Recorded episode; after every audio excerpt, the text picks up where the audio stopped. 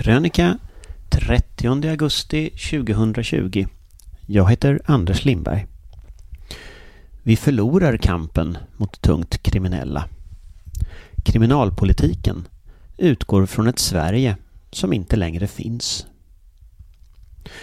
Två veckor innan pandemin slog till på allvar satt jag i 7Cs klassrum på Årstaskolan och lyssnade på Osman Kloarec, 39. Han leder Årsta samverkan, ett arbete där områdets skolor tillsammans med polis, socialtjänst, Fryshuset, fältassistenter, fritidsgården och Årstaskolans kurator gemensamt försöker ta tillbaka den sociala kontrollen. I och kring skolan, men även över ungdomarnas fritid, på gatorna och Årsta torg. Årsta samverkan samlar de goda krafter som finns i lokalsamhället, tar samtal med föräldrar när något går snett och gör att ingen kan vara anonym. Osman Kloarec var optimist. Om man bara satsar resurserna rätt, förebygger i tid, skaffar sig social kontroll och erbjuder andra vägar än kriminalitet så kommer samhället att fånga upp betydligt fler ungdomar än idag. Innan allt går åt skogen. Den senaste veckan har varit som en provkarta över ett samhälle vi inte vill ha. Som Aftonbladets nyhet om de två tonårspojkarna som kidnappades, våldtogs, rånades och misshandlades på en kyrkogård i Solna. Som när ett maskerat kriminellt nätverk satte upp vägspärrar i nordöstra Göteborg likt ett rövarband i ett inbördeskrig. Som att rånade barn, hotade vittnen och sönderslagna liv inte längre når tidningarnas rubriker. Allt med ett bakgrundsmu en bakgrundsmusik av politiker som lovar hårda tag och viftar med olika symboliska men sannolikt ganska värdelösa åtgärder. I sitt sommartal gjorde Ulf Kristersson ganska klart att han tänker vinna nästa val på kriminalpolitik. Det bäddar tyvärr för mer av politiskt käbbel och mindre av verkliga lösningar. Politikerna borde istället försöka lösa situationen tillsammans över blockgränsen.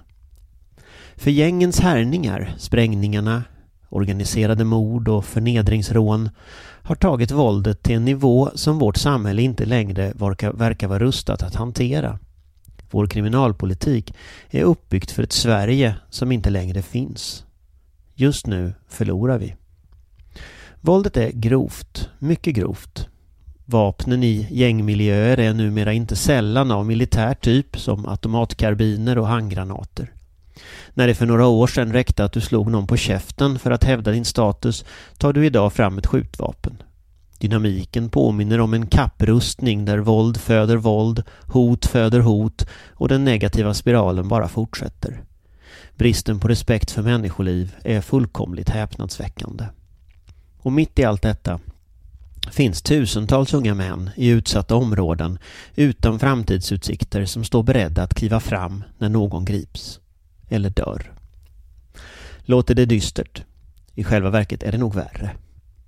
Svensk och europeisk polis fick en unik inblick i hur dessa nätverk fungerar i våras när franska utredare lyckades knäcka den organiserade brottslighetens eget intranät, den krypterade kommunikationsverktyget Encrochat.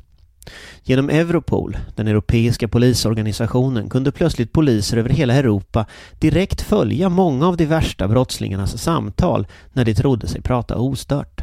Vem skulle mördas? Var finns vapnen? Var skulle knarket köpas eller levereras? Encrochat innehåller både text och bilder och även om nätverket stängde ner i juni kommer informationen vara till stor hjälp under åratal av utredningar framöver. Även i Sverige. Historien om Encrochat reser komplexa frågor. Hur mycket bör staten ha rätt att avlyssna? Var på skalan mellan att integritet och säkerhet vill vi befinna oss? Men också, varför ska, har inte svensk polis bättre verktyg att knäcka kommunikationssystem som Encrochat?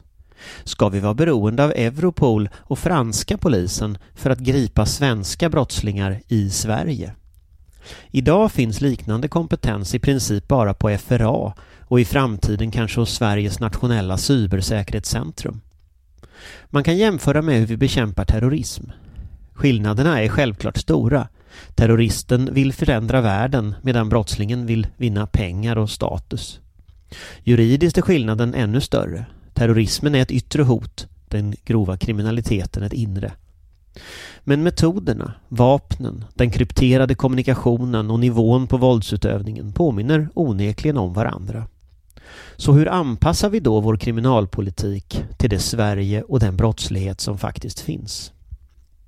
Jag tror vi ska börja med Osman Klarets tro på människan och börja långt ner i åldrarna innan hopplösheten fått fäste.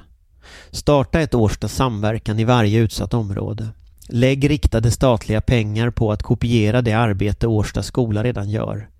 Åratal av nedskärningar i skolan och den sociala omsorgen vänds inte i en handvändning men lokalsamhället måste vara utgångspunkten.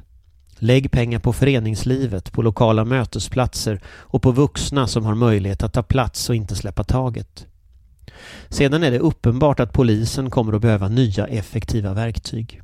Vad hjälper ständiga krav på högre straff när gärningsmännen ändå inte grips? Ett av de problem som poliser ofta lyfter är den tystnadskultur som gängen sprider när vittnen hotas och skräms. En lösning som ofta lyfts fram är att tillåta människor att vittna anonymt. Det är förmodligen en nödvändig förändring. Den 1 april trädde nya regler i kraft som ger polisen möjlighet till hemlig dataavläsning. Det är ett steg i rätt riktning. Men som historien med Encrochat visar så krävs mer om polisen ska hålla jämna steg med gängen. Eftersom Moderaterna i praktiken checkat ut ur den riktiga politiken för att bedriva valkampanj ligger ansvaret för att baxa pengar och ny lagstiftning genom riksdagen sannolikt helt på januaripartierna. Men så här kan det inte få fortsätta.